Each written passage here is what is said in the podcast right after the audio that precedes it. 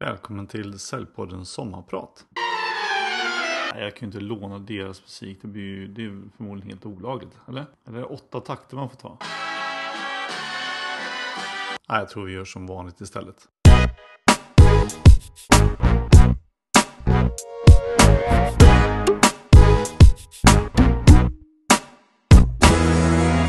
Ja, hallå på er så här mitt i sommaren, alla Säljpodden-lyssnare. Idag kommer eh, Säljpodden-programmet att vara lite annorlunda jämfört med vad det brukar vara. Nämligen att jag inte har någon gäst. Utan idag så är det jag som sköter allt snack i hela podden. Och eh, vad som är lite annorlunda är att istället för att jag har ställt frågor som jag brukar göra till eh, mina intervjupersoner så har faktiskt ett antal intervjupersoner ställt frågor till mig om saker som de skulle vilja veta om mig eller mina tankar och åsikter om inom försäljning. Så att eh, jag kommer göra mitt bästa för att besvara dem och eh, ge lite reflektioner på vilka avsnitt de har varit med i och vad det har handlat om och sånt där. Jag kommer också berätta lite mer om mig själv och varför jag sitter här och gör podd just nu och vad som har lett fram till det. Så det kommer bli lite mer personligt i det här avsnittet av Säljpodden. Så jag hoppas att du kommer gilla det sommarpratet. Och just idag när jag spelar in det här så är det lördag den 15 juli. Och eh, då har det blivit en milstolpe i Säljpoddens historia. Nämligen att den har tagit sig in på iTunes 200-lista. Så jag vart ju hyggligt glad här för en liten stund sedan när jag gick in och kollade. Och eh, den hade då landat på plats 186. Kanske inte jätteimponerande eftersom det finns rätt många fler poddar. Men ändå. Den är bland de 200 mest nedladdade och populära poddarna just nu. Eh, det som också är riktigt roligt är ju att eh, den då kvalade in på näringslivet. Den eh, kategorin som heter näringsliv. På plats 12 och underkategorin till näringsliv som heter ledning och marknadsföring ligger på andra plats just idag den 15 juli. Det kan ju såklart ändras från månad till månad, vecka till vecka, dag till dag. Men ändå, det är väldigt roligt att så många tycker om Säljpodden och att den finns med nu på den här 200-listan. Hoppas att den förblir där. Och samtidigt vill jag rikta ett innerligt tack till alla er som lyssnar på Säljpodden. Det är ni som ser till att den här podden blir en framgång och att det är saker som tas upp i podden som är relevanta och intressanta. Och att det är ni som delar, det är ni som kommenterar och ni som lyfter fram det i sociala kanaler. Så att stort, stort tack till alla er som lyssnar på Säljpodden. Utan er hade inte det här varit möjligt överhuvudtaget. Tack så jättemycket. Ja, att man skulle komma in på försäljning det var ju knappast något som man trodde som liten grabb när man cyklade omkring på gatorna i den lilla orten Floby där jag kommer från i Västergötland. Ungefär en och en halv mil utanför Falköping på Västgötaslätten. Och det är kanske flera av er som har växt upp på sådana orter, småorter och eh, när man var liten grabb så tyckte man att det fanns allting där man växte upp. Det fanns ju ja, tre olika banker, det fanns eh, fotbollsplaner, det fanns tre olika mataffärer kommer jag ihåg. Det fanns två mackar, bilverkstad, eh, skola, grundskola, det fanns idrottshallar, de spolade is på, på grusplan på vintrarna. Eh, skogen var precis runt hörnet och en trimmade moppa fanns bland eh, grabbarna i, som hängde nere vid kiosken och sådär. Ni har säkert en del av er växt upp på sådana här ställen. Man tänkte att det här är ju helt idylliskt. Det är trots att det bara var 1500 personer som även då bodde i den här lilla orten Floby då. Eh, så fanns allting. Och det är det som är lite charmigt eh, när man tänker efter så här på sin barndom. Att cykla omkring där på gatorna, eh, hängde uppe vid badet och alla kompisar var liksom runt där. Man hängde ihop och man cyklade eller gick ner till någon och knackade på för att höra om de ville hänga med ut eller leka eller vad de nu gjorde. Istället för att skicka ett snap eller en, ett sms eller någonting. Så ja, man gick helt enkelt dit och eh, knackade på. Och i den här lilla orten om man åker tillbaka nu då så finns det nästan ingenting kvar. Och det är ju jättesynd att alla de här små affärerna har slått ihop och det är väl egentligen bara ICA-affären och kiosken som är kvar och kanske någon järnhandel. Och det förstår man ju, det är väldigt svårt att bedriva verksamhet när det bara finns 1500 personer som bor i närheten. Det finns liksom ingen marknad. Men på den tiden så fanns det det. Och jag undrar lite grann hur det där kommer bli sen framöver. Och alla småorter kommer slås ut, ingen, eh, inget näringsliv, lokalt näringsliv på orten. Allting flyttar in till och centraliseras i städer. Det är lite synd kan man tycka eftersom det är svårt att bedriva liksom verksamhet och ha ett aktivt och lokalt näringsliv på småställen.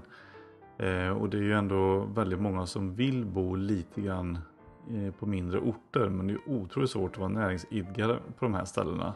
Eftersom marknaden och underlaget eh, är litet och man har stora kedjor och eh, internethandel att slåss emot. Så att, eh, det är en stor sak som, att bita i för lokala näringsliv. Men i Floby då växte jag upp och där fanns det två olika saker man kunde välja på om man ville idrotta, vilket jag gärna ville göra. Och det ena var att spela fotboll i Floby IF i division 5 som var den högsta serien låg i då. Eller så kunde man spela volleyboll i Floby VK och de var ju uppe i elitserien. Men jag började spela fotboll men alla mina kompisar slutade i princip i 12-årsåldern och gick över till att spela volleyboll istället. Vilket blev ett eh, väldigt bra gäng och det gick väldigt bra för oss. Och vi vann både B-pojk och A-pojk och junior-SM, eh, skol-SM och sådana saker under eh, vår tid. Och vi hade en väldigt bra tränare, ungdomstränare som eh, lärde oss väldigt mycket om hur man skapar en grupp och hur eh, man jobbar för varandra. Och i allt det här så började det gå ganska bra för mig och jag växte ganska mycket eh, och hoppade ganska högt på den tiden. Jag hade 85 i spänst vilket var bra tyckte jag då. I och för sig var det många som hade betydligt mer men i alla fall. Eh, och jag blev uttagen till eh, juniorlandslaget och spelade med de som var 17 och 18 då när jag bara var 15. Vilket var väldigt lärorikt för min del. Och det är klart att det är alltid roligt att komma hem då till de här kompisarna man hade som spelade fotboll som tyckte att vad fasen vadå spela volleyboll, det är väl inte så många som spelar volleyboll, det är inte så svårt att bli bra på det. Det är mycket svårare att bli, bli bra på fotboll. Så att eh, någonstans i det här så kände jag alltid att ja, men jag behöver inte bevisa för någon att jag är bra utan det räcker att jag visar att jag är bra. Och det där är någonting som har följt med mig hela livet. Att jag aldrig haft liksom något behov av att behöva visa eller bevisa för folk att kom hit och kolla på mig och jag är så himla bra. Och alla sådana var skrytig liksom som många var som var lite duktiga. Utan för mig har det alltid varit viktigare att för mig själv kunna känna liksom att jag har gjort mitt bästa.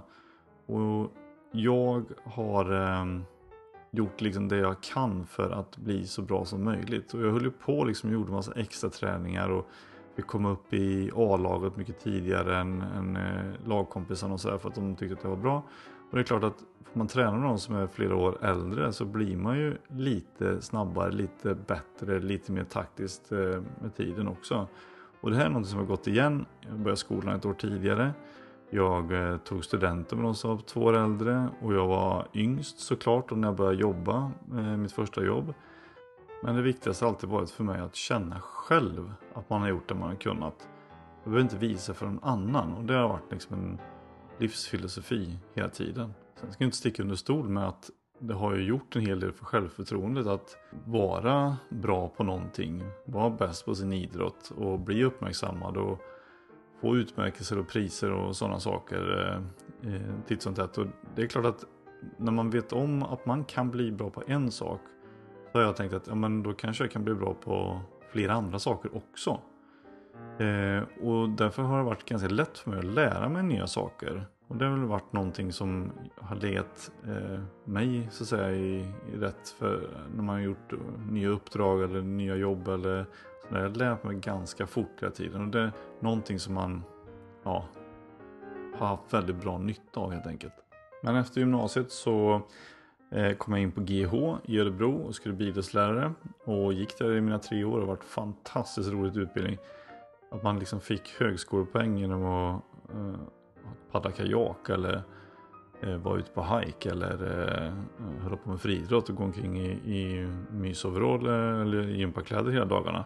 Det var ju lite långa blickar ibland från ekonomistudenterna i Örebro när man gick in på fiket. Man kunde sitta där och softa i sin eh, mjukisbralla hela tiden medan de var lite mer stiffa kan man säga. Men det blev inte så mycket idrottsläderi utan eh, jag blev headhuntad in i läkemedelsindustrin av eh, en gammal lärare som tyvärr nu har gått bort. som eh, hade lite känningar inom läkemedelsindustrin och vi råkade stöta på, på varandra inne på Systembolaget dagen innan midsommarafton. Precis när jag hade tagit examen och började snacka lite grann om det här med, han hade ett företag som höll på med psykologisk eller mental träning. Och där vi sysslade ganska mycket med då inom volleybollen så frågade om han var intresserad av att ja, om man behövde hjälp någon gång så kunde han höra av sig så man kunde ganska mycket om det där. Och eh, då sa han, ah, men eh, hör hur dig du istället? Okej, okay, tänkte jag. Så då ringde han eh, i alla fall då dagen efter på midsommarafton. Efter sillunch och sådär. Så, sa, ah, hur du Mattias, eh, vi snackade igår och, och jag kom tänka på en sak. Att du behöver ringa till en person här. Eh, Okej, okay, jag ska göra det imorgon då. Nej, du behöver göra det nu. Nu? Ja, men jag eh, är ju nubbe och allting är till lunch, det går inte. Ja, du måste ringa direkt. Så där stod man då och försökte skärpa till sig och ringde till den här killen och, och bokade ett besök eller eh, möte för en intervju. Och ehm, fick sen då jobbet som de hade alltså träffat 53 personer fick jag veta sen när anställning övergick från provanställning till fast anställning. De hade träffat 53 personer innan mig. Och sen var det jag som fick jobbet. Helt grön från GH. Så att jag undrar egentligen vad det var som de såg i mig den där dagen. Eh, men det ska jag tacka väldigt mycket för att de, att de vågade lita på mig. Och såklart var jag yngst då när jag kom in som 23-åring i läkemedelsindustrin. Eh, en helt eh, otrolig skillnad mot eh, vad jag var van vid från studentlivet kan jag säga. Och man fick ju då gå en kortare läkarutbildning på tre månader. För att överhuvudtaget kunna förstå vad man skulle säga eller prata om med läkarna. Och eh, då gick man då allihopa i en enda klass vi var 50 pers som skulle ut på olika bolag. Och sen så när man var klar så fick man då en internutbildning på företaget för att sen då kunna gå ut och göra besök hos läkare. Och här är ju då alla stöpta i samma form. Det är lite intressant i en bransch att många branscher är väldigt diversifierade men läkemedelsindustrin är alla måste gå samma utbildning för att få jobba där. Eller åtminstone för att sälja preparat och läkemedel. Och det är ju blir ju givetvis så att, att eh, det finns inte utrymme för så mycket annat än just det som man får lära sig på utbildningen. Så att oavsett om du byter brand eller byter eh, företag så är det ju fortfarande så att du kan ju lika lite eller lika mycket. Och det här är ju någonting som eh, många har funderat på lite genom åren att vad kan egentligen läkemedelssäljare förutom att presentera? Vi är jätteduktiga på att presentera en kampanj som görs av en produktchef. Eh, och det gör ju också då att vi kanske inte är jättebra på att göra affärer. Och är till och med så bra så att man hade bokningssekreterare som ringde och bokade alla besök åt en. Så man satte sig i princip bara i bilen på morgonen och åkte till första bästa vårdcentral som bokningssekreteraren hade bokat in och drog av mötet på en kvart och sen så hade man eh, åkte man till nästa möte och hade lunchmöte och så vidare. Men Problemet här är att många av oss som jobbar som säljare har ju haft väldiga problem med just telefonen. Att man har tänkt så här, äh, men äh, jag har en bokningssekreterare, de får ringa, jag ska ändå ut och göra besök. Så jag behöver inte lära mig det här med att ringa och boka själv. Och det här är någonting som Christer B Jansson från Confident Approach som jag intervjuar här för ett par avsnitt sedan i Säljpodden och han pratar väldigt mycket om det här med säljhinder. Och säljhinder i våran bransch existerar ju många av. Eh, telefonskräck är bara en av de här eh, 12 eller 14, 16 stycken som jag hittat nu med, med eh, i takt med att sociala medier och sånt har kommit in på arenan också. Men om du vill lyssna på det här med säljhinder eh, och få en förståelse för hur det funkar och vad det är. Så rekommenderar jag verkligen att lyssna på det avsnittet med Christer B Jansson. Och han ställde frågan till mig att hur får vi säljchefer att ta tag i säljhinderproblemet? Både tidningen Säljaren och de själva har i undersökningar visat att eh, de flesta då chefer är missnöjda med sina säljkårers förmåga att prospektera och det här visas ju år efter år i undersökningen. Så hur får vi chefer att ta tag Eh, i det problemet med säljhinder. Jag tror att eh, försäljningschefer i Sverige generellt sett behöver utbilda sig mer. I och med att det finns liksom ingen eh, titel som är försäljningschef som innebär att man har gjort ett särskilt grundarbete eller att man har gått en viss utbildning för att få en grundkompetens i att vara försäljningschef. Eller i och för sig chef överhuvudtaget.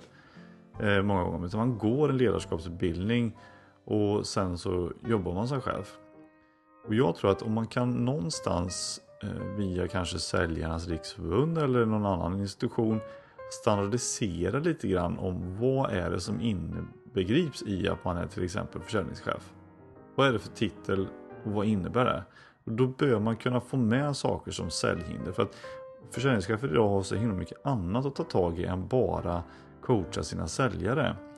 Eh, det är budget och det är ekonomi och det är eh, personalfrågor och ditten och datten. Men om man sitter där och tänker att ja, men den här säljaren är ju lite eh, gulgrön eller lite gulröd i diskprofilen. Så har ju det bara med den personstypen, Det har ju inte liksom med beteendet så mycket att göra. Om det är så att man då eh, har värsta telefonskräcken eller en typisk överförberedare för någonting så får man inte saker och ting gjort. Och då hittar man på massa bortförklaringar och det är det där som man som säljchef måste vara uppmärksam. Vad är det som händer här egentligen? Inte bara att, ah, att säljaren börjar skälla ifrån sig. Att ah, men de svarar inte. Eller ah, men, eh, du vet, fredagar är jättesvårt att få tag på folk. Ah, men de har åkt hem de skulle återkomma. Alla de där bortförklaringsgrejerna. Börja leta istället efter det som är säljhinder i det beteendet som eh, eh, personen eller säljaren uppvisar. Och hur gör man det på bästa sätt? Det är att sprida kunskap om att det här överhuvudtaget existerar. Det är ju forskning som ligger till grund för det här. Till skillnad från väldigt mycket annat vi gör inom försäljning så finns det alltså ett eh, grundunderlag på typ 300 000 säljare som man har följt. Och man vet exakt vad säljhinder är och man kan identifiera det. Och det som är bra är också att det går att göra någonting åt det. Så om du lyssnar på det här och har säljare eller är chef eller känner att du behöver hjälp själv som säljare. Fundera på, eller ta reda på snarare. Vad är säljhinder? Har jag dem? Och yttrar de sig på det sättet så som Christer B Jansson beskriver i det här avsnittet av Säljpodden. Eh, som handlar just om säljhinder. Jag tror att om säljchefer får kunskap om det så kommer de kunna utveckla sina säljkårer mycket, mycket bättre och säljarna kommer bli mycket bättre och känna sig mycket bättre. Så att man behöver standardisera och utvärdera vad saker och ting är. Jag önskar att man hade fått veta lite mer om det här med säljhinder när man var anställd säljare. Jag jobbade ett antal år inom läkemedelsindustrin och sen så bytte jag till att sälja medicinteknik med skruvar och plattor i titanburar och sånt där. Var med inne på operationssalen och petade in det här i folk. Eh, helt otroligt om man tänker efter hur man som säljare med lite utbildning på de här grejerna fick ändå vara med och peta i såret liksom. Det känns lite så tveksamt i efterhand men det fick man göra i alla fall. Och eh, känna lukten av bränt kött när de öppnar eh, med såna här, eh, vad det nu heter, eh, diatermiapparater. Eh, och den lukten kommer man ju aldrig glömma. Så den vill man ju helst inte känna igen. Eh, men efter ett antal år där så eh, jobbade jag, eller fick jobb som eh, Sverigechef för ett finskt läkemedelsbolag som ville etablera sig på den svenska marknaden. Så jag var med och eh, lyfte in det på den svenska marknaden och sen så slutade jag där och eh, gick in på en lång pappaledighet. Och under den här pappaledigheten så hade jag sagt upp mig så att eh, jag hade egentligen ingenting att komma tillbaka till. Så jag funderade på vad är det jag ska göra nu? Är det dags att börja göra någonting annat kanske? Eh, så jag hade en kompis som hade startat eget som också var, jobbade inom våran bransch eh, och blev då konsult inom läkemedelsindustrin istället. Fast på eget bolag. Och han eh, hjälpte mig i kontakt så att jag blev underkonsult till en firma. Så att eh, när jag var färdig eh, med pappaledigheten och yngste sonen skulle börja på dagis så eh, körde jag igång mitt bolag och började sälja läkemedel igen fast eh, som egen. Och eh, det där gick ju bra ett år så länge som eh, uppdraget höll då. Men ehm, när det var dags för att börja leta nya uppdrag så insåg jag precis det som jag nämnde lite tidigare här om vad är det som vi läkemedelssäljare saknar. Jag kunde presentera kampanjer jättebra. Jag var jättebra på att ge ifrån mig information. Men jag var klippt oduglig på att göra affärer. Och det höll på att skapa en konkurs i mitt bolag. Det var inte många dagar kvar från att de sista pengarna var helt slut. Så fick jag hjälp av en, eh, av en annan kollega i branschen som, som fixade in mig på ett ställe.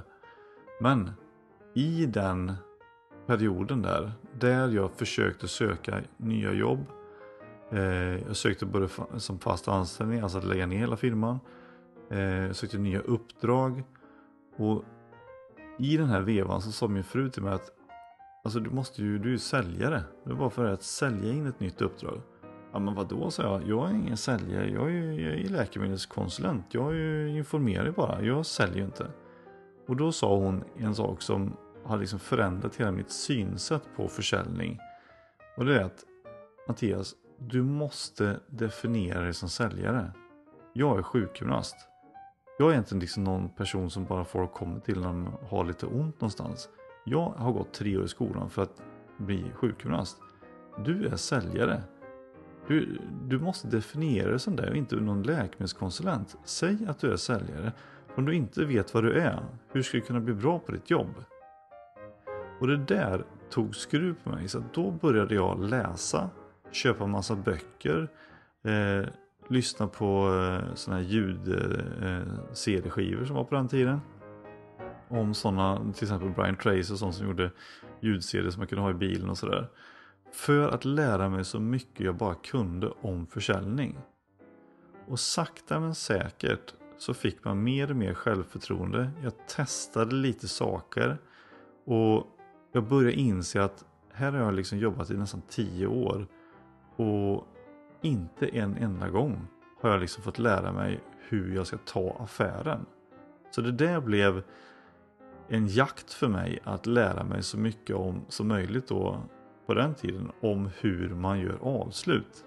Jag började skriva om det och det blev till slut både en och två böcker och min sida som heter avslutstekniker.se eh, bland annat. Och boken eh, Hur man säljer till moderna kunder och Avslutsbibeln som är den senaste som jag släppte då. Som just handlar om de här sakerna. Men det är ett antal år sedan nu och mycket vatten har runnit under broarna sedan dess. Och eh, Rasmus Biasi som eh, var med i Säljpodden här för ett antal eh, program sedan han skickade en fråga till mig om hur jag började och varför jag fortsatte och vad branschen saknar. Ja, här är lite grann svaret då Rasmus. Att eh, hur det började. Det började med att jag satte mig ner och definierade mig som säljare. Och på den vägen började läsa om försäljning. Lyssna på försäljning. Och ta till mig så mycket jag kunde om försäljning. Och i takt med att jag förstod att eh, jag kunde bli bra på det här så har jag fortsatt. Och jag läser varje år flera böcker om försäljning för alltid konstant lära mig någonting nytt eller uppdatera saker och ting som jag eh, har glömt bort. Och när jag satt som, eh, som läkemedelssäljare och på, som konsult och åkte runt i min bil så hade jag det, det som en, ett rullande universitet och det är någonting som Brian Tracy lärde mig på den tiden kanske inte lyssnar så mycket på honom just nu, men då i alla fall. Att se tiden mellan kundbesöken som utbildningstid. Och på så vis har man liksom lärt sig alltså hundratals timmar i bilen. Istället för att lyssna på radio så lyssnar jag på de här eh, skivorna om försäljning. Och sen ser du mer på MP3 om försäljning. Och i takt med att man blir bättre så inser man också att shit vad lite jag vet om försäljning. Ju mer jag läser desto mer fattade jag hur lite jag kunde från början när jag trodde att jag visste allt. Och det är väl också det som eh, gör skillnaden här och att är man ödmjuk inför det faktumet att jag kan inte allt, men jag håller på att lära mig hela tiden. Student först och mästare sen. Man måste hela tiden vara i konstant utveckling och lära sig. För att lär man sig mer saker så blir saker och ting roligare.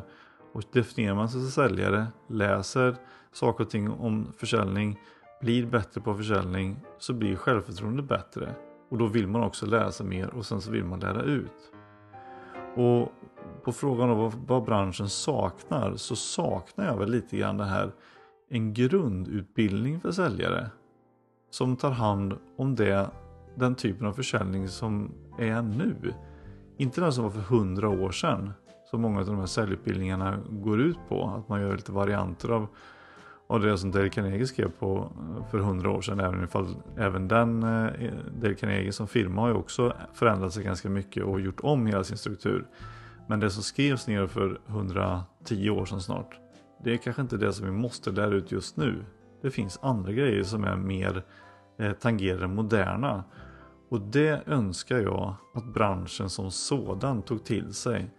Satsa på personer som vill lära sig. Fråga dem i rekryteringen. Vilka säljböcker läser du? Vilka säljböcker har du läst? Vilka, vilka egna aktiviteter gör du för att bli bättre på försäljning? Det är ju liksom inte så att en läkare får all sin utbildning på sitt jobb. Många är tvungna att läsa Läkartidningen, eh, studier, forskning, gå på seminarier, workshops, eh, konferenser för att förstå sitt yrke och bli bättre. Det måste vi som säljare göra också. Och jag önskar att säljare blir lite bättre på ett egenansvar att vilja utbilda sig själva konstant för att bli bättre. Och det är vad jag tycker att branschen saknar. Okej, okay, så att eh, när man har eh, som jag då läst och läst och läst och praktiserat, praktiserat, praktiserat så blir det ju någonstans i ett läge att man kan så pass mycket så att man känner att man kan hjälpa andra. Och när folk också börjar fråga efter hjälp så inser man ju snart att de som är bra på sitt jobb eller på någonting de måste ju hjälpa andra och dela med sig av sin kunskap. För vad är liksom kunskap om man bara håller den för sig själv? Dela med mig till någon annan och kan hjälpa den att bli bättre så är det min plikt att göra det om jag kan göra den bättre. Så vad jag har gjort efter eh, att jag startade eget här och tyckte att jag började kunna en del om försäljning så har jag både varit med i EU-projekt, jag har gjort massa föreläsningar, jag har skapat jobbsökarsajter, gjort säljutbildat på ett antal bolag, skrivit de här två böckerna då, gjort videos om försäljning, eh, skapat en webbutbildning, skrivit rapporter, gjort marketing automation projekt, startat ett bolag till, eh, ingick i en föreläsarstall på EQP ett tag eh, och den här eh, podcasten som heter Säljpodden då Eh, och under tiden så har jag då konsultat 100% också på olika uppdrag.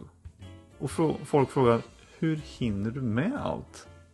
Saken är väl den att jag kanske inte hinner med allt. Men jag hinner med det jag vill göra. Och mycket av det som jag vill göra hinner jag med när eh, andra ser på TV. Så jag försöker att eh, hela tiden lägga tid på saker som jag vill göra och att vara egenföretagare innebär att du kan jobba ihjäl dig, du kan jobba jämt. Men jag försöker också ha en balans i det här. Så att jag gör de sakerna som eh, genererar intäkter till firman. Och så försöker jag ju inte göra sånt som inte genererar intäkter till firman. Och samma sak på, på jobbet, eh, eller de här konsultuppdragen jag har. Gör saker som driver det här företaget eller den här produktutvecklingen framåt. Gör inte saker som innebär att det inte spelar någon roll sitta och pilla med någon tabell eller eh, ändra typsnitt eller vad det nu kan vara. Nej, lägg tiden på sådana saker som är viktiga för att generera intäkter och komma framåt. Framförallt, se inte så mycket på TV. Välj ut de sakerna du vill se istället eh, på de här streamingtjänsterna som finns eller på playkanalerna. Mycket bättre. Eh, då får du massor med tid över för att göra saker som du vill och kanske till och med göra en sidoverksamhet på kvällar, helger, nätter ibland som det har blivit för min del om man skriver böcker och sådär. Men det har varit värt det för att det är precis det som man vill göra och då finns det tid för det. Det finns alltid tid för det du vill göra. Precis som för rökare och snusare, det finns alltid pengar till cigaretter och snus oavsett hur lite pengar man har. Och eftersom jag inte vare sig röker eller snusar så finns det lite pengar över till andra saker. Till sådana saker som är lite roligare. Till exempel att eh, göra en podd. Och eh, varför startades Säljpodden överhuvudtaget? Först så startades den ihop med eh, en kille som heter Christer Maxe som är direktmarknadsförare. Så vi hade ju den i början eh, innan vi skildes åt för ett tag sedan. Eh, och min förhoppning med den här podden är ju att kunna sprida kunskap om bra försäljning och sprida kunskap och information från människor som är duktiga på det de gör och som kan eh, kopplas till försäljning på ett eller annat sätt. Ju mer kunskap man får desto bättre kan man bli. Och att få höra från direkt från källan, alltså direkt från de personerna som är experter eller har specialistkunskap på olika saker. Det är ju fantastiskt. Att lyssna på den här podden i en timme så får man hur mycket kunskap som helst många gånger om vissa ämnen som har med försäljning att göra. Och mitt mission är att försöka att hjälpa er att bli bättre på ert jobb.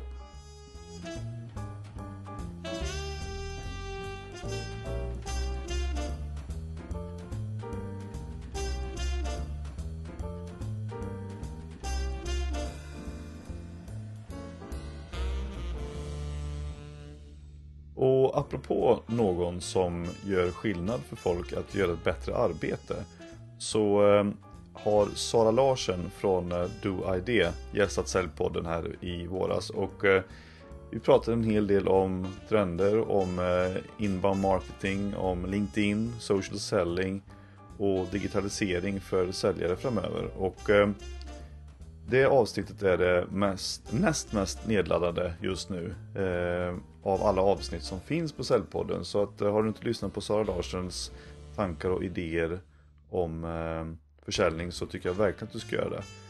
Och hon ställde en fråga till mig angående vad jag tänkte och tyckte om just det här. Och det var att om du ser över de trender som diskuterats i podden gällande försäljning, vilken är den trend som snackats länge om men som företag verkar svårast att exekvera?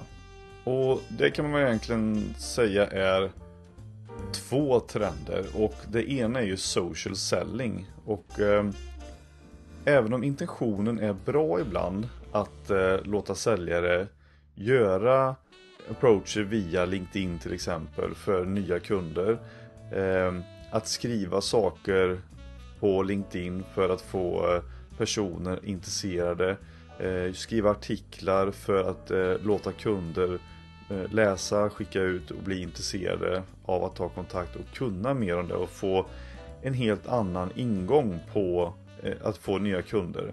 Så är det den trenden som jag känner saknas fortfarande strategi för oss väldigt många bolag. För att det finns så himla många regler, det finns så många sätt som bolagen är eh, måna om att eh, deras anställda inte ska kliva över gränser till exempel. Att vad ska de skriva om man släpper det här fritt?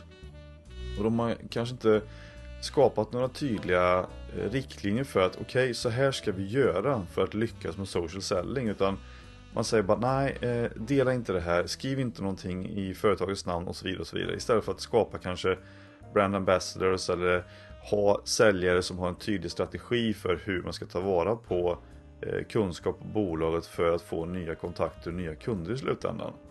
Så det hade man önskat att det finns en tydligare tanke från företag om att så här ska vi jobba med social selling för att kunna lyckas och få mer kunder. Det är inte farligt att använda sociala medier. Bara man vet hur man ska göra. Och vet man inte hur man ska göra så kan man alltid lyssna på Sara Larsens tankar eh, och andra också för den delen om hur man ska lyckas med just social selling. Och den andra grejen som jag eh, tycker är tydligt märka, eh, som det saknas en tydlig plan för det är det med marketing automation. Och det kan lätt bli lite ängsligt, framförallt då kanske på lite äldre bolag som eh, har haft en annan typ av försäljningsmodell tidigare och som de vill börja med marketing automation. Och det kan ju vara så även för yngre också för andelen, så det kanske inte har med saken att göra egentligen. Men just det här med att veta hur man ska göra för att det är ett långsiktigt arbete. Och särskilt nu när man håller på med digitalisering av alltihop så blir digitalisering en av försäljningsprocessen. Och då behöver man ju ha en riktig plan för hur man ska lyckas med marketing automation. Och här måste ju marknadsavdelningen och säljavdelningen jobba väldigt tätt ihop. För att det som kommer hända annars är ju att eh, båda två kommer misslyckas. Sälj hoppas att eh, marknad ska fixa lead åt dem som de kan ringa på eller ta kontakt med. Och marknad hoppas att ja, men nu har vi fixat vad vi kan för att vi ska skapa det, nu får ju sälj ta över. Men om inte det här synkas ihop så kommer det bli så att ja, marknad har gjort en jättefin marketing automation kampanj under veckor, månader eh, och sen så när det lämnas över till sälj så vet inte sälj riktigt vad som har hänt under den här perioden och då möter man kunden på en fel nivå.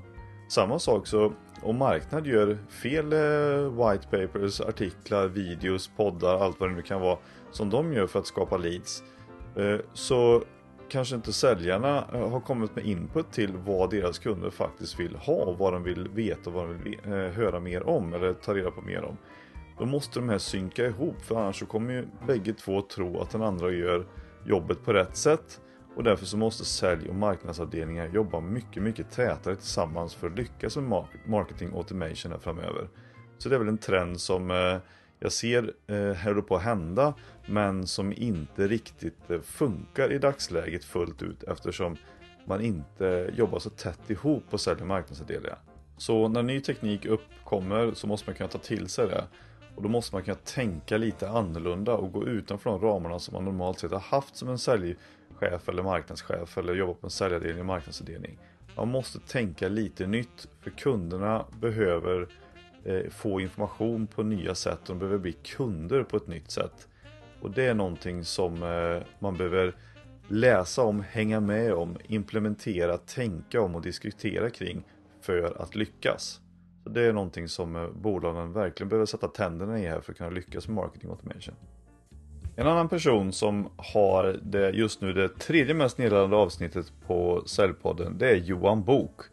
Den underbara skåningen som är expert på strategigenomföranden och vet i princip allt om hur arbetspsykologiforskningen ser ut för att kunna motivera, och engagera och entusiasmera eh, anställda. Och när vi pratade i Säljpodden så pratade vi ganska mycket om det här med vad är eh, ett effektivt strategigenomförande? Vad är bra ledarskap? Hur skapar man engagemang och motiverade anställda? Och det avsnittet eh, fick mig att sätta, det var som att sätta sig i skolbänken. Det var eh, för mig fantastiskt att lyssna på Johan om just de här sakerna. Och han eh, har faktiskt ställt fem stycken frågor till mig. Och jag tänker beta av dem här i tur och ordning. Så att eh, han undrar då vilka tre saker som har fastnat lite extra eh, av de alla de här Säljpodden-programmen som vi har haft. Och det är jätte, jättesvårt för mig att välja ut. Men tre saker som kommer direkt i huvudet är ju det avsnittet som jag gjorde med Christer B Jansson här. Eh, som, som, som handlade om säljhinder.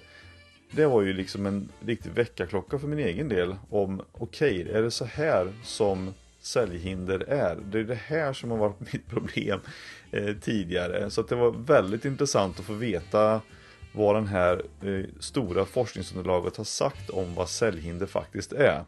Så det är någonting som jag verkligen eh, eh tog till mig och eh, ska ändra på själv. Eh, en annan sak är faktiskt Johans eget program om det här med ledning för eh, eller ledarskap för att få en bra kultur på ett bolag. Han hade väldigt många intressanta inblickar och insikter i om hur det här ska gå till och vad framförallt vad forskningen säger är mest lyckosamt för att få eh, en bra kultur på ett bolag. Så det programmet och de sakerna som vi pratade om där tog jag till mig väldigt mycket av. Jätteintressant. Och en tredje sak, det som Pontus Henningsson pratade om i sitt eh, program, han jobbar på SAS. Och vi pratade om Big Data.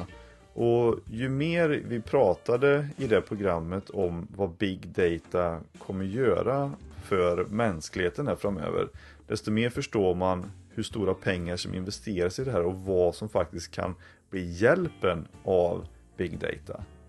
Och de tankarna som har kommit ut efter det har faktiskt eh, eh lett till både det ena och det andra eh, om insikter om vad det här är. Så det var faktiskt väldigt spännande. Så du får jättegärna lyssna på det avsnittet också.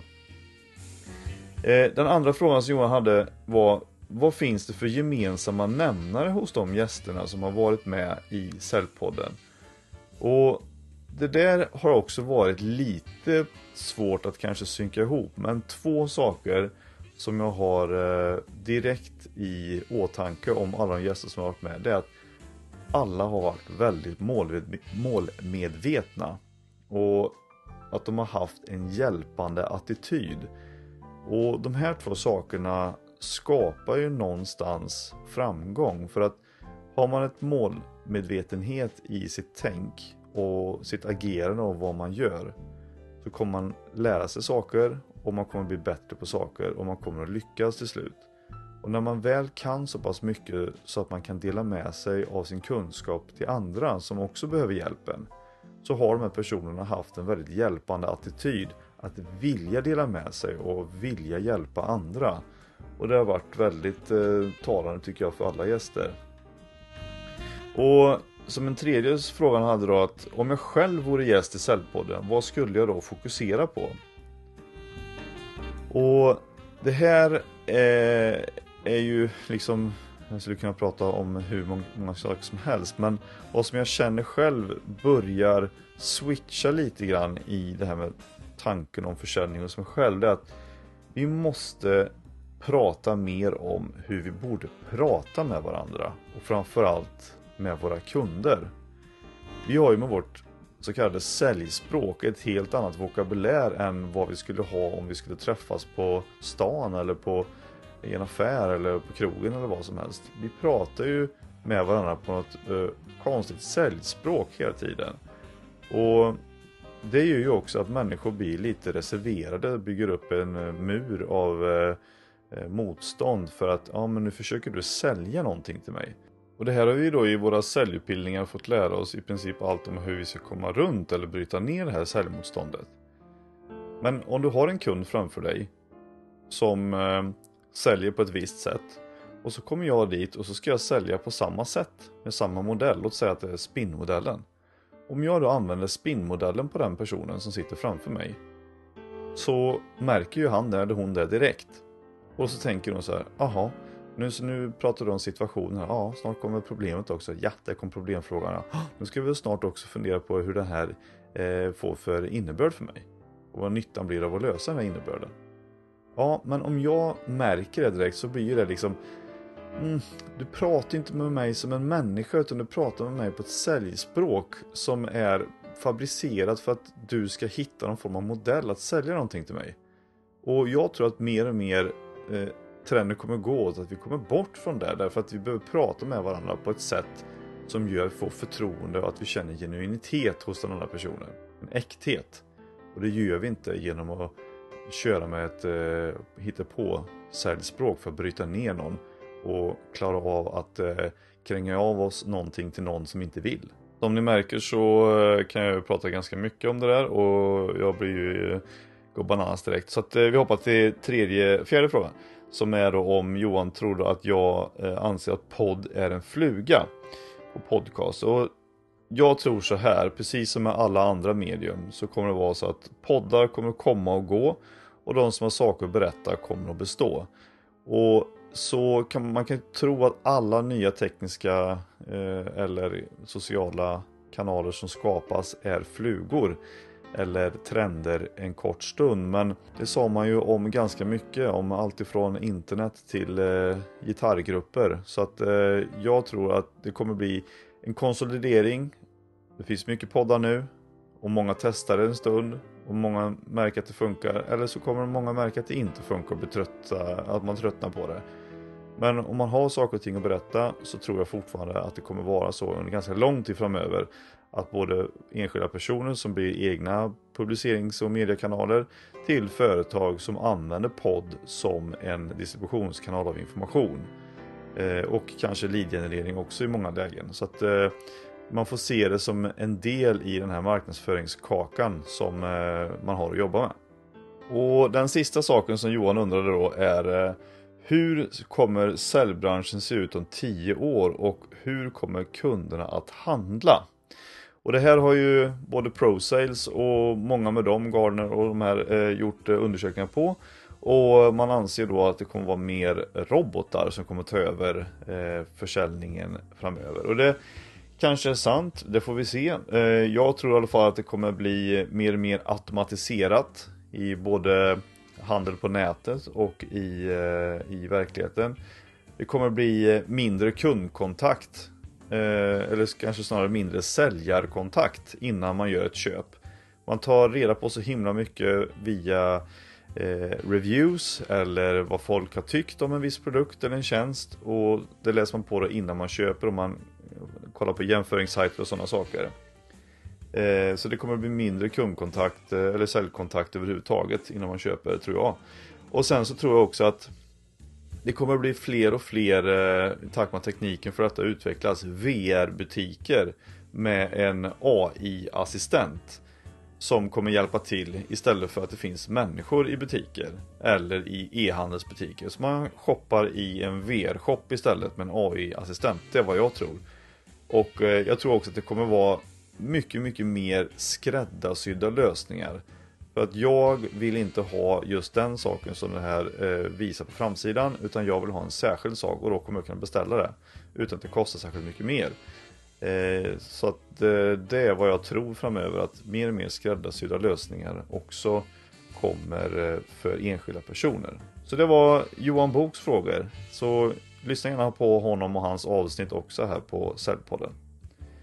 Eh, en annan kille som eh, jag intervjuade för ett tag sedan är David Balsam och han var ju mediasäljarnas stora stjärna. Och han berättade ju då i sitt avsnitt om hur det här gick till och vad som var planen och strategin bakom att lyckas och bli lite bättre än sina kollegor. Så då får ni gärna lyssna på det avsnittet och lära en hel del av hur man säljer media framförallt då. Eh, men han ställde också en fråga om det här med LinkedIn och han tycker sig se i sitt flöde att det ofta är samma sak som diskuteras av samma tio personer ungefär. Och vad vill jag se debatteras på LinkedIn istället för att man promotar bara sina egna prylar och att man är någon form av tangentbordsentreprenör. Eh, jag tycker så här att om vi ska debattera någonting på LinkedIn om försäljning så tycker jag att det är hur vi ska kunna skapa bra säljkulturer på bolag. Hur de som har bolagen skapar en bra säljkultur för de säljarna som kommer in där. Det är så himla tröttsamt med fulsälj. Att man kommer in på ett bolag, anammar den kulturen som finns, fulsäljer för att tjäna lite pengar åt sig själv men framförallt åt ägarna av bolaget. Så jag skulle vilja diskutera mycket, mycket mer om hur man skapar bra säljkultur. Och då vill jag gärna se att diskussionen, debatt, debatteringen eller debatten går om hur man gör det med förtroende och med genuinitet för eh, försäljning och med bra arbetsvillkor. Vad är bra arbets arbetsvillkor för en telefonsäljare till exempel? Hur ska de kunna skapa förtroende och genuinitet? Och hur ska den kulturen skapas på det bolaget som de här säljarna, som många gånger är kanske ungdomar om vi pratar om just en telefonförsäljning, som kommer in. Hur får man dem att känna att försäljning är någonting bra och att det är någonting roligt som man är stolt över? Jag skulle jättegärna vilja hur vi debatterade också hur vi ska kunna göra säljyrket till någonting som människor kan vara stolta igen över att kalla sig. Jag är säljare och det står jag för. Det skulle jag vilja att folk debatterar på LinkedIn också. Jag nämnde Pontus Henningsson och hans avsnitt om eh, Big Data här tidigare och eh, Pontus eh, skickade en fråga till mig som var så här att hur har min syn på säljarbete ändrats eller stärkts under året och vilka insikter har jag fått av mina intervjupersoner?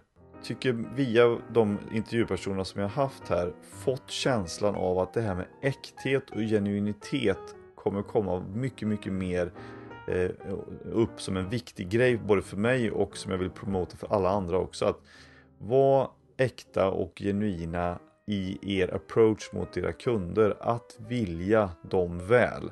Inte för min egen skull, för så fort man börjar snacka om lösningar så börjar det rulla dollartecknen framför ögonen och då börjar kunderna känna av det och det är väldigt osexigt och ofräscht.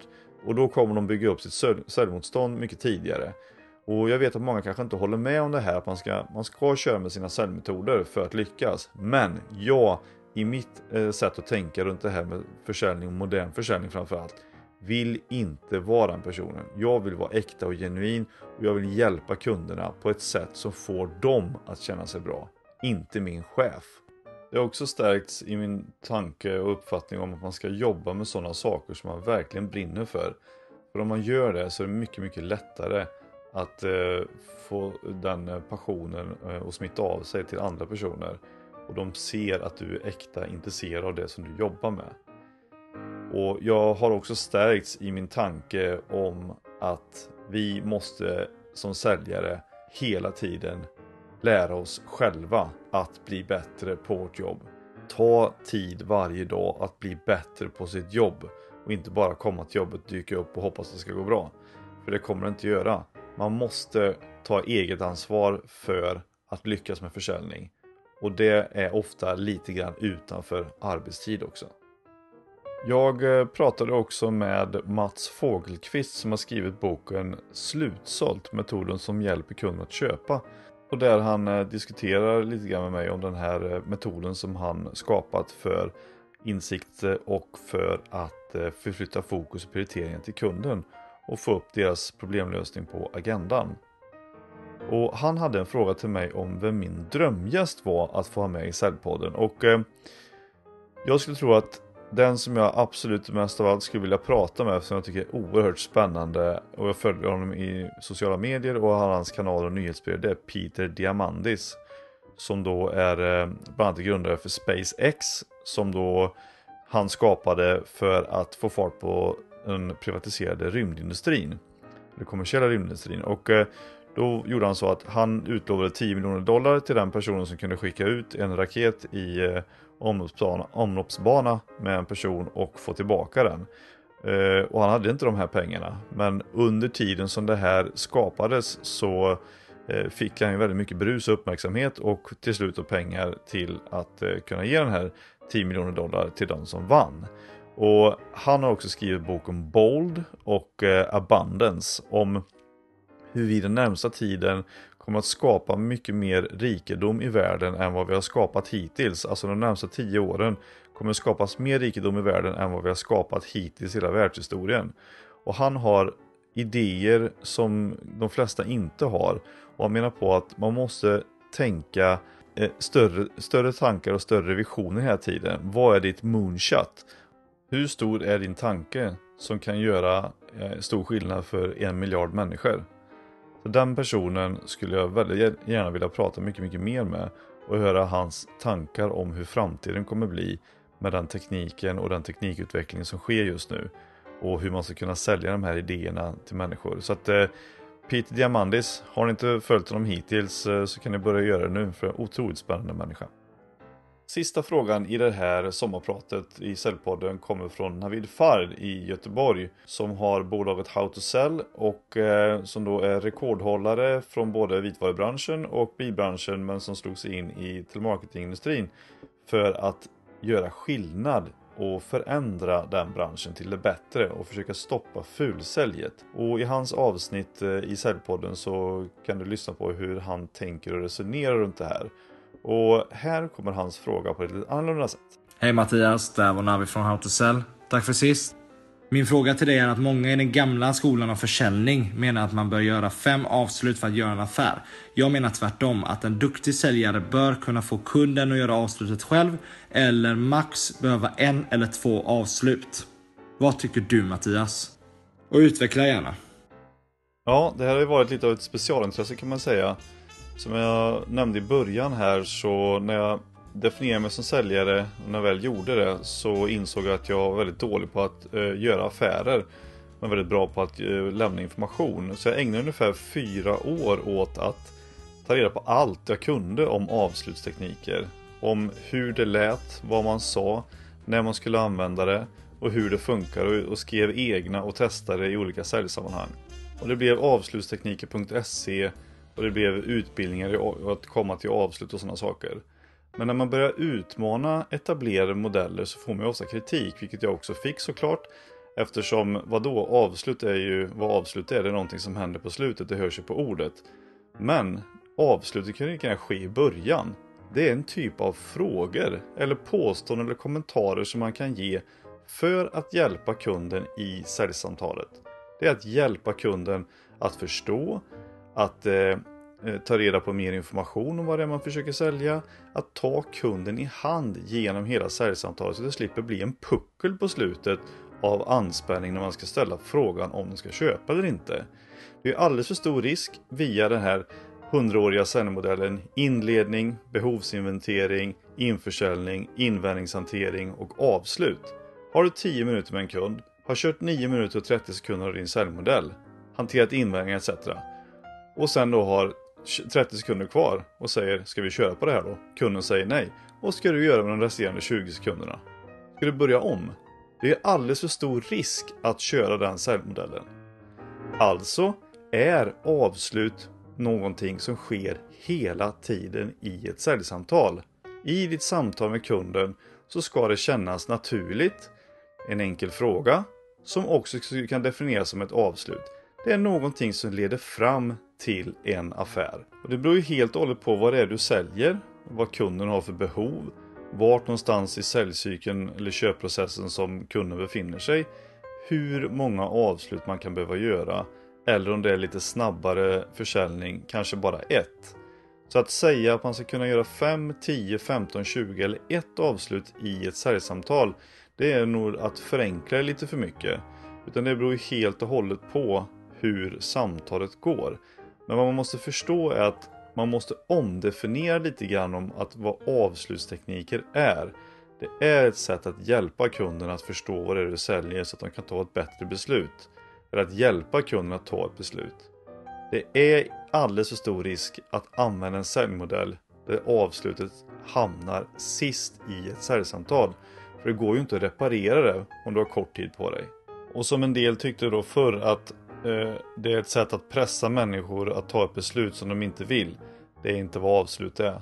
Utan avslutstekniker har jag åtminstone definierat om i och med avslutsbibeln. Så det är mitt bidrag till förnyelse av den säljmodellen. Så i och med att man omdefinierar avslutstekniker till att väldigt ofta vara frågor så har det inte så stor betydelse hur många frågor man ställer för att kunden ska handla eller ta ett beslut. Utan det viktiga är att man hanterar avslutstekniker på ett sätt som gör att kunden känner sig bekväm från början till slut. Så att det inte byggs upp till ett enda avslut som ska hamna på slutet. Så att eh, antalet avslut beror lite grann på dels vem det är som säljer, hur van man är, vem kunden är, kundens behov, vilken bransch man är i, hur många gånger man har träffats, hur säljprocessen, köpprocessen ser ut, om det är långa säljcykler och så vidare. Så det är jättesvårt att säga hur många avslut som ska behövas varje gång. Och jag tycker inte det spelar så stor roll heller om man för ett samtal, om man ställer 10 frågor eller 20 frågor, ett avslut eller fem avslut. Du kan vara en jätteduktig säljare oavsett hur du gör. Bara kunden är nöjd, du är nöjd och alla känner sig nöjda så tycker jag man kan räkna så. Ja, det här var lite grann av mina tankar om de frågor som mina intervjupersoner har ställt här under våren. Och eh, jag hoppas att ni gillat eh, upplägget på det här sommarpratet och fått lite mer bakgrund till vem jag är.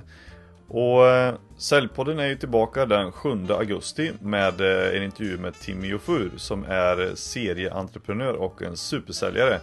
Och om hans resa fram till det han är idag. Så missa inte det avsnittet som kommer den 7 augusti. Och stort tack för att ni har lyssnat och fortsätt gärna lyssna på Säljpodden. Prenumerera på den på iTunes eller där poddar finns och dela gärna i sociala medier om ni gillar Säljpodden. Tack så jättemycket för att ni lyssnade. Ha det gött!